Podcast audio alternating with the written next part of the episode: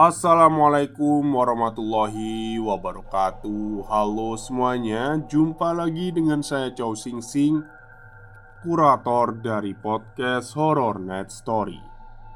Halo apa kabar semuanya? Semoga kalian semua baik-baik saja ya. Dan seperti biasanya Pada siang hari ini saya kembali dan akan menghadirkan sebuah kisah mistis untuk kalian semua Kisah mistis kali ini saya datangkan dari treat horornya Metafisika Yang menceritakan tentang pengalaman-pengalaman seram Yang dialami satpam-satpam saat berjaga malam Oke, daripada kita berlama-lama, mari kita simak ceritanya.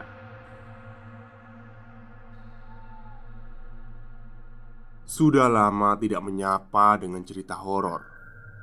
Beberapa minggu yang lalu, kami sempat mengunjungi beberapa kampus dan menyapa security yang ada di sana. Cukup sulit menanyakan soal kejadian horor karena banyak yang skeptis soal kehororan kampus. Namun, ketika menelisik lebih jauh, kami bertemu dengan lima orang security kampus yang mau membagikan cerita mereka ketika berjaga malam di tempat mereka bekerja. Perlu diketahui, cerita kali ini bukan hanya terpusat pada satu tempat, namun ada beberapa tempat yang kami kunjungi, dan tentunya nama tempat atau kampus akan kami samarkan. Cerita pertama dari salah satu kampus ternama yang berada di sekitar Sleman, Yogyakarta. Kampus yang sudah berdiri dari tahun 1958 ini memiliki banyak cerita horor di dalamnya. Dari cerita mahasiswanya, tenaga pendidik, maupun orang-orang yang mencoba membuktikan kehororan kampus ini Panggil saja Pak Roni. Pak Roni sudah lama bekerja menjadi security kampus. Awalnya Dia hanya bekerja sebagai penambang pasir. Namun Di tahun 2013 Dia diajak oleh temannya untuk mengikuti seleksi menjadi security Dan akhirnya bekerja menjadi security kampus. Pak Roni bercerita banyak kejadian dari kejahatan, maling, kelucuan mahasiswa, maupun kejadian horor yang ada di kampus ini. Mengulik soal kejadian horor, dia sudah merasakan ketika masih awal bekerja menjadi security. Pertama kali bekerja, Pak Roni bertugas seperti biasa mengelilingi area depan hingga depan kampus. Ketika dia berada di area belakang kampus, Pak Roni tiba-tiba mendengar suara keramaian di sebuah kelas, seperti ada kegiatan perkuliahan, tepatnya di lantai dua.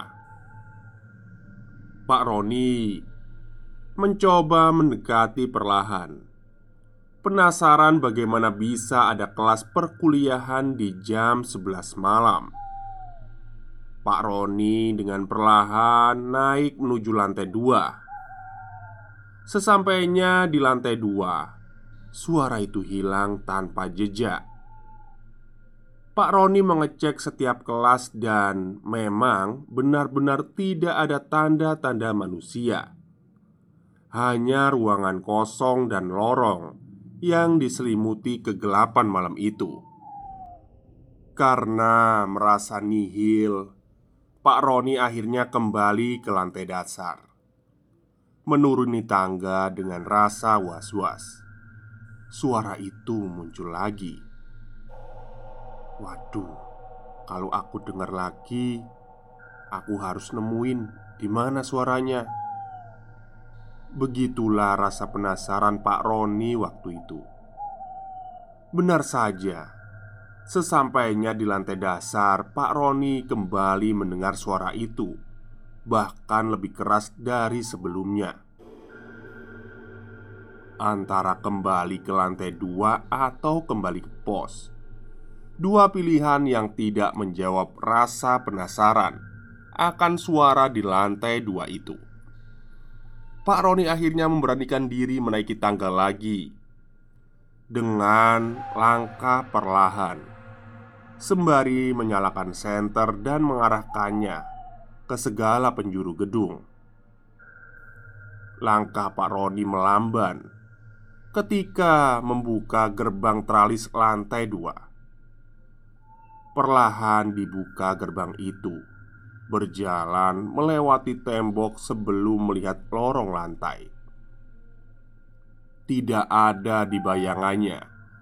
Di lorong yang gelap itu terlihat jelas sosok anak kecil yang tiduran di sepanjang lorong, bergelantungan seperti kelelawar, dan anak-anak yang berlarian penuh tawa. Pak Roni lemas terduduk lesu dengan senternya yang mengarah ke lorong itu. Antara percaya dan tidak percaya, namun benar-benar dia melihat dengan mata telanjang sosok yang bertebaran di lorong itu. Pak Roni seketika berlari ketakutan, membanting gerbang teralis sekeras-kerasnya anak tangga dilibas dengan cepat turun menuju lantai dasar, terjatuh dan terguling beberapa kali, namun tidak menghiraukan dengan dalih agar dia selamat. Dia berlari dengan cepat menuju pos jaga dengan nafas tak beraturan. Teman-teman security lain yang sudah membaringkan badan heran Kenapa Pak Roni tergopoh-gopoh dengan muka lemas penuh keringat? Akhirnya Pak Roni menceritakan apa yang dilihatnya.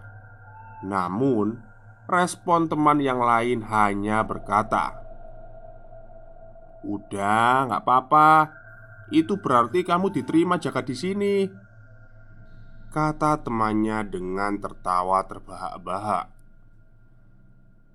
Pagi hari setelah kejadian malam itu, Pak Roni merasa badannya lemas, bahkan merasakan panas di bagian dada setiap malam hingga tujuh hari lamanya. Masih dengan orang yang sama, kali ini Pak Roni mengalami kejadian tak kalah menakutkan bersama temannya yang sudah senior. Sebut saja Pak Rebo. Di tempat Pak Roni bekerja, ada salah satu gedung yang dianggap paling angker, tepatnya di sebuah gedung perpustakaan.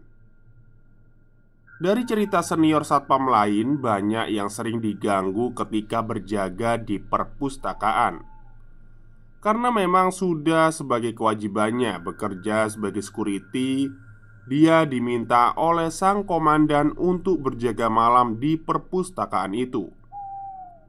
Karena kabarnya akan ada demo besar-besaran esok paginya. Alih-alih agar tidak ada yang nyabotase perpustakaan yang masih satu gedung dengan gedung birokrasi kampus. Pak Roni dan Pak Rebo berjaga dan berkeliling di sekitaran gedung perpustakaan, memastikan tidak ada mahasiswa yang masuk ke dalam gedung.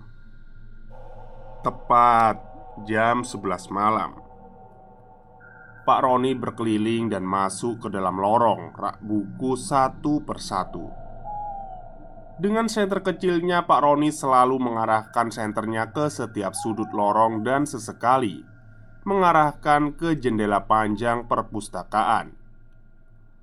Sudah beberapa lorong yang ia lewati, namun ketika memasuki lorong keenam, Pak Roni mendengar ada suara batuk dengan nada yang agak berat. Pak Roni yang merasa itu adalah Pak Rebo karena tipe suara yang hampir sama dengan suara Pak Rebo. Suara batuk itu datang lagi dan arah suaranya berada di lorong keempat. Pak Roni kembali untuk memastikan sambil memanggil nama Pak Rebo. Pak Bo, Pak Bu, sampean ta? Tidak ada sautan sembari mengarahkan senter ke semua sudut lorong. Pak Roni terus memanggil nama Pak Rebo sembari berjalan menuju tempat mereka tidur, tepatnya di sebuah ruang tunggu. Pak Roni agak bingung, tidak ada Pak Rebo di tempat itu. Karena sebelum dia berkeliling, Pak Rebo masih tertidur pulas beralaskan tikar Pak, Pak Bu, Pak Bu. Pak Roni terus mencoba mencari keberadaan Pak Rebo hingga keluar gedung. Namun, Pak Rebo tidak menampakkan badan hidungnya. Ketika Pak Roni kembali ke ruang tunggu, Pak Roni menemukan sebuah kertas yang bertuliskan Dek, aku keluar dulu ya Cari makan. Kamu tadi tak cari nggak ada. Nah, itu mas anehnya. Padahal aku ya Kepisah itu di satu ruangan. Masa temanku nggak lihat? Begitulah penjelasan Pak Roni cukup heran Bagaimana bisa Pak Rebo tidak tahu keberadaannya sampai meninggalkan sebuah kertas. Pertanyaannya, siapakah yang batuk tadi? Masih Pak Roni anggap adalah batuk suara Pak Rebo. Dengan dali Pak Rebo belum lama meninggalkan ruang tunggu. Selang beberapa jam, Pak Roni terbangun mendengar suara adzan dan herannya tidak ada Pak Rebo di sampingnya. Dia bangun dan mencoba berkeliling lorong dan semua ruangan dan tidak menemukan Pak Rebo. Pak Rebo akhirnya Pak Roni maksudnya Pak Roni akhirnya memutuskan untuk kembali ke pos jaga satpam Dan ternyata Melihat bayangan Pak Rebo yang masih terjaga di dalam pos security Dengan semua kaca ditutup rapat dengan kain Loh, kok ditutup kabeh toh pak? Kalau lihat maling gimana? Huh, takut aku Aku lihat pocong semalam Hah? Pocong? Di mana pak? Di, di sampingmu tidur Ketika Pak Rebo kembali dari membeli makanan Ternyata Pak Rebo melihat Pak Roni tertidur dengan posisi memeluk sosok pocong. Awalnya Pak Rebo mengira itu adalah sebuah guling. Namun, ketika dia mengarahkan senter ke arah muka Pak Roni, dia melihat sesuatu belahan hitam di antara guling putih tepat di sisi di mana saling berhadapan muka dengan Pak Roni. Pak Rebo mencoba mendekat dan terkejut Ternyata belahan hitam itu adalah wajah yang penuh dengan belatung. Pak Rebo yang melihat itu langsung berlari dan memilih menyelamatkan diri daripada membangunkan si Roni. Oke, kali ini dari salah satu kampus Islam yang ada di Yogyakarta. Panggil saja Sigit. Pak Sigit sudah berprofesi menjadi satpam hampir 15 tahun lamanya. Agak sulit menjelaskan dengan apa yang dialami oleh Pak Sigit. Antara horor atau sebuah keilmuan seseorang Pak Sigit berjaga seperti biasanya. Kegiatan yang selalu dia lakukan selama beberapa tahun belakangan. Tepat jam 12 malam Pak Sigit yang selalu bersantai di tempat duduk yang dia buat dari susunan kayu di samping pos jaga. Ketika sedang membaringkan badan yang otomatis melihat gedung megah yang ada di depannya Dia melihat ada sosok manusia berdiri di balkon gedung lantai 4 Awalnya dia mengira itu hanya sebuah bayangan saja. Dan tangkapan mata Pak Sigit yang memang sudah tidak sekuat saat muda dulu. Dia hanya menganggap itu sebuah ilusi yang membentuk badan manusia. Awalnya Pak Sigit tidak menghiraukan dengan apa yang dia lihat Dia membuka HP-nya dan mencari hiburan di beberapa grup Facebook yang dia ikuti. Namun di sisi lain, bayangan sesosok manusia itu masih saja ada berdiri tegak dan tidak bergerak. Di sinilah Pak Sigit mulai curiga. Itu tak lihat-lihat kok bukan bayangan ya. Tapi kayak manusia beneran. Tapi ya saya masih nyoba nggak peduli mas Kata Pak Sigit. Di antara rasa penasaran Pak Sigit dengan bayangan itu Ketika Pak Sigit memfokuskan pandangannya ke arah bayangan di lantai empat itu Tiba-tiba saja Sosok bayangan manusia itu terjun ke bawah. Lantas refleks Pak Sigit berdiri dan berteriak Eh, Edan Klak Suara hentakan terdengar hingga pos sapam Pak Sigit berlari menuju titik terjun bayangan manusia itu.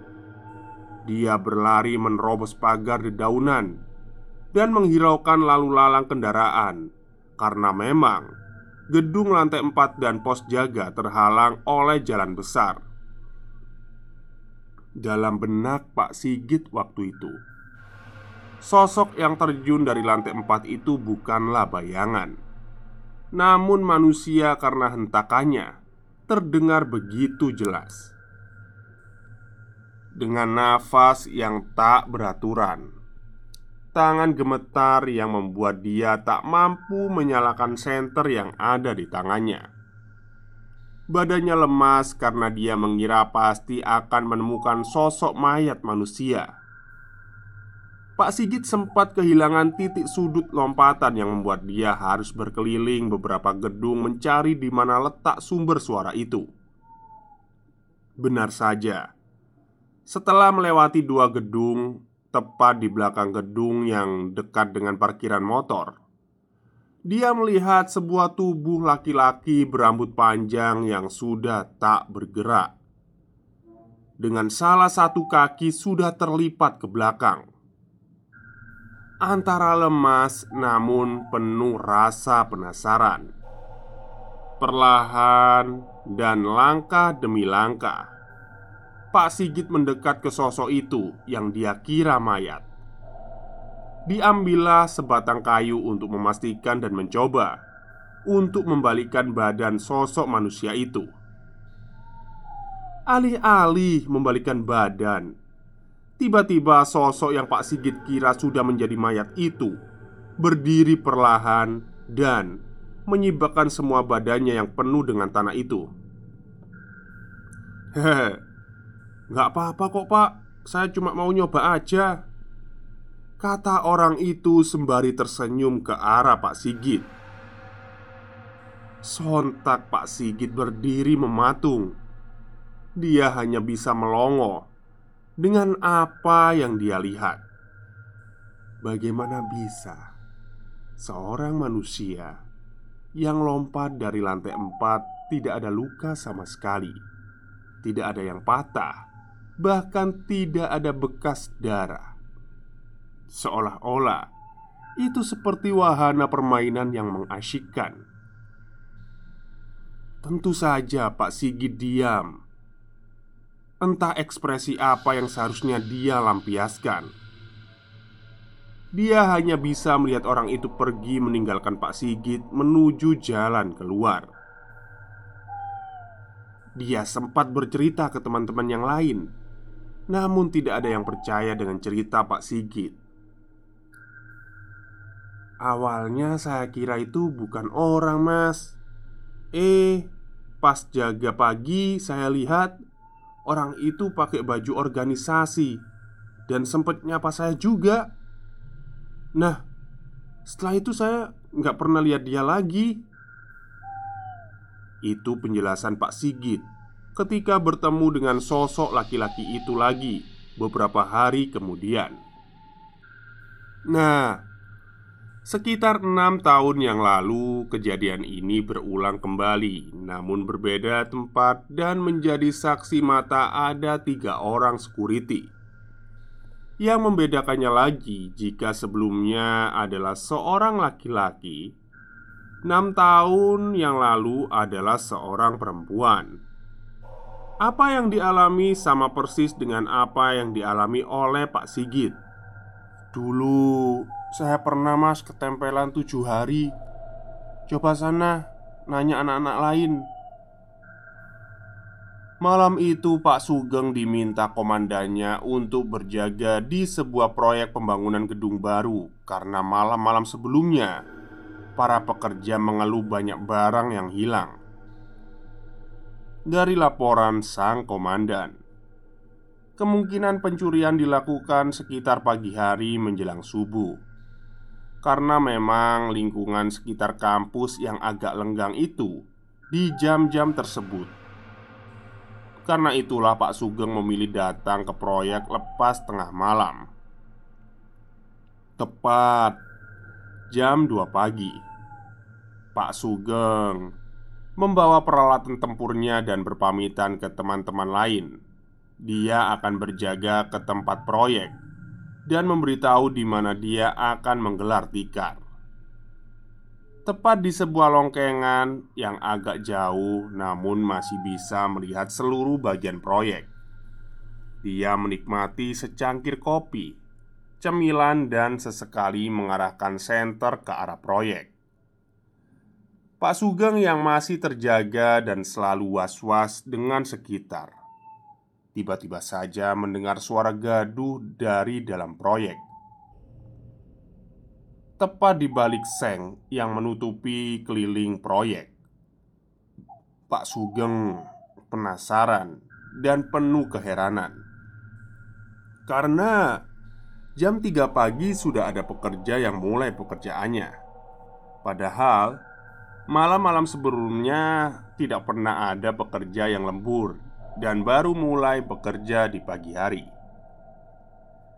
Rasa penasaran Pak Sugeng membuatnya tertarik untuk mendekati. Apalagi Pak Sugeng melihat tidak adanya lampu penerangan dari dalam proyek. Logika Pak Sugeng, bagaimana bisa mereka bekerja tanpa ada cahaya di pagi buta ini?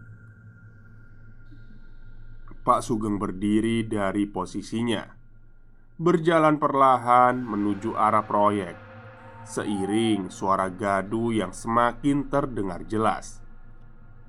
Sesampainya di salah satu pintu seng Pak Sugeng lebih keheranan Karena pintu masih tertutup rapat dengan rantai besi yang masih menggulung. Dalam logika Pak Sugeng Bagaimana bisa orang-orang di dalam masuk tanpa mengurai rantai yang masih rapi menggulung pintu seng? Mas, mas siapa ya? Teriak Pak Sugeng memastikan. Dek, dek. Tidak ada jawaban. Yang terdengar hanya dentuman besi.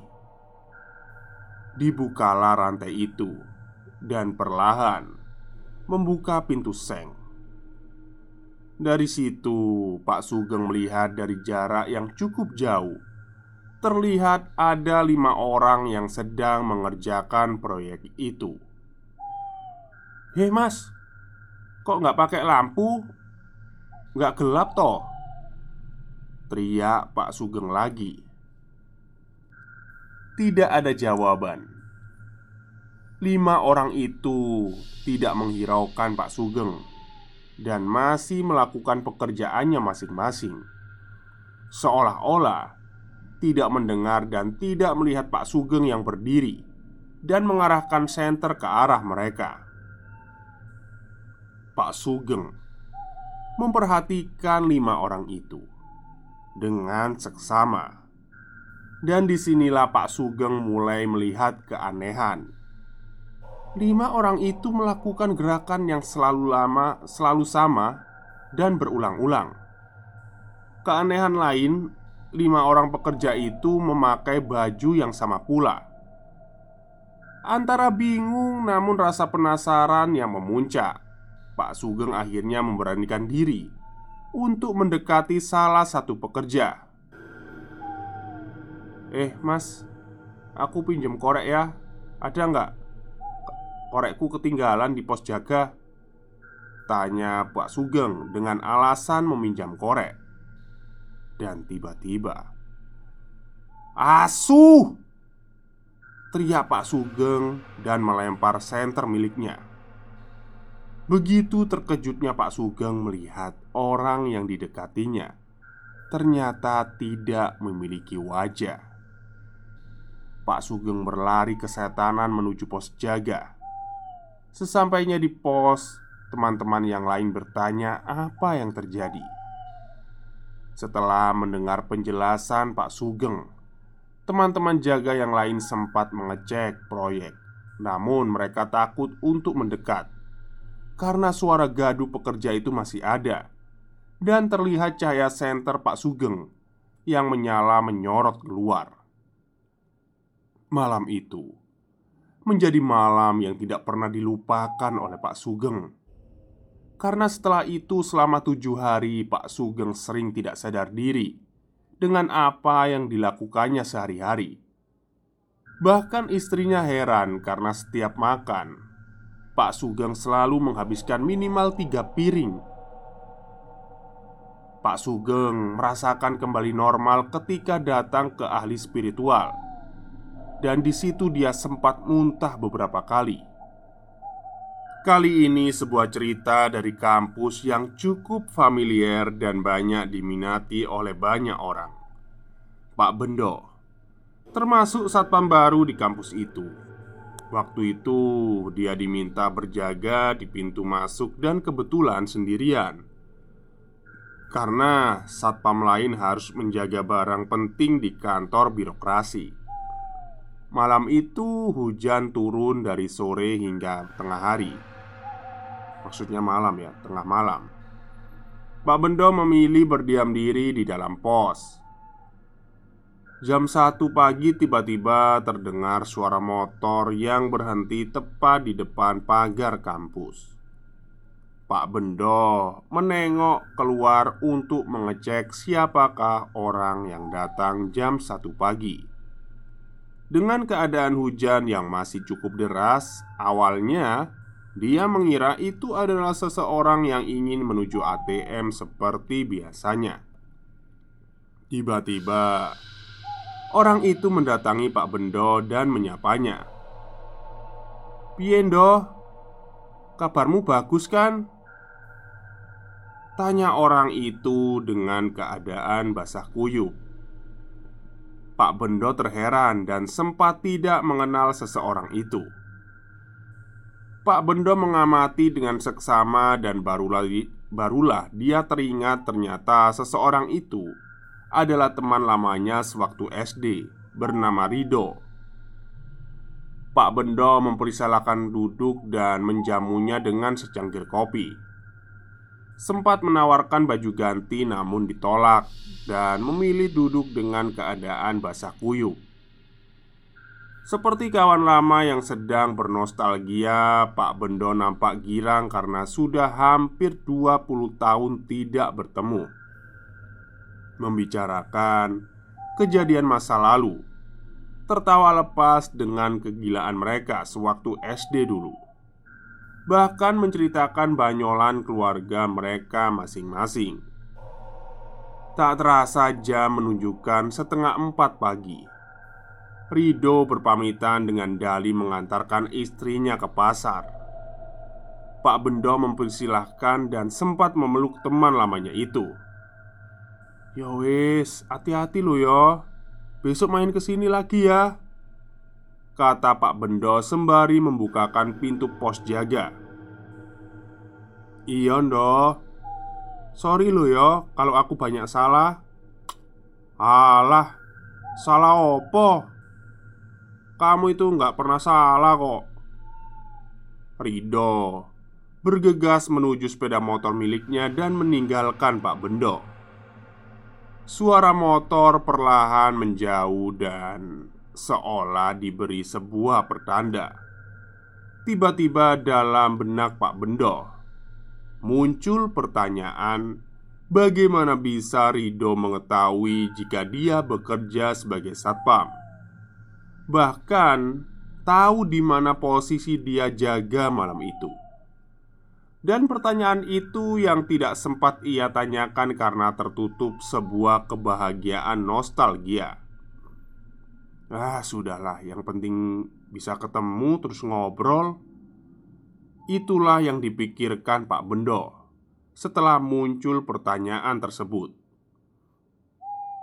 Pak Bendo membereskan cangkir kopi yang masih utuh dan mengepel lantai yang basah, serta mengelap kursi panjang yang sempat diduduki oleh teman lamanya itu.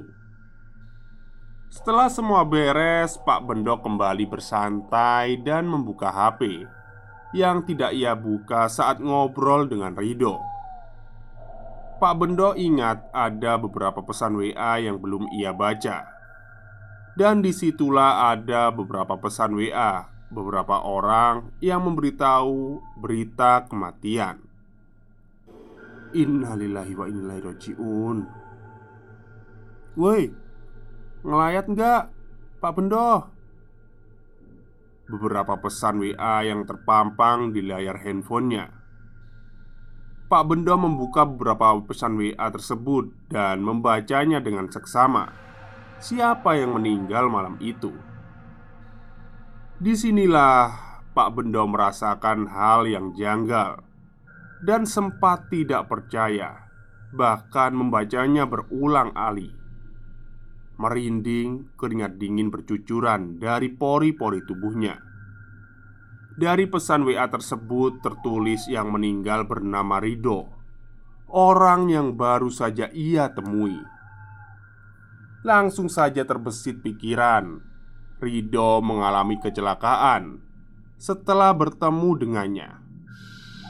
Namun setelah dia amati Pesan WA itu dikirim jam 1.35 Sekitar 35 menit setelah Pak Bendo bertemu dengan Rido. Dan dari pesan WA tertulis bahwa Rido wafat 12.15 Logika yang tidak bisa dijelaskan dengan akal sehat. Bagaimana bisa orang yang sudah meninggal bertemu, ngobrol, bahkan saling kontak fisik dengannya? Pak Bendo masih mencoba memastikan kebenaran berita kematian itu. Dia menelpon beberapa temannya yang ada di rumah dekat dengan Rido. Dan memang benar, yang meninggal malam itu adalah Rido. Rido yang menemuinya di pos jaga. Antara tidak percaya dan percaya, ya, tapi dia benar-benar bisa merasakan. Tanpa pikir panjang, Pak Bendo meninggalkan pos jaga dan pergi ke sebuah angkringan untuk menenangkan dirinya. Bukan kesedihan, namun sebuah pertanyaan besar yang hinggap karena dia baru saja bertemu dengan orang yang sudah meninggal. Pikiran itu selalu hinggap, bahkan hingga saat ini, dan ternyata kalimat permohonan maaf Rido bukan hal biasa melainkan sebuah pesan yang ingin disampaikan oleh Rido. Beneran lu mas? Kok nggak percaya? Pas dicek CCTV Itu saya memang kayak lagi ngobrol sama bangku. Gak ada siapa-siapa. Jelas Pak Bendo waktu itu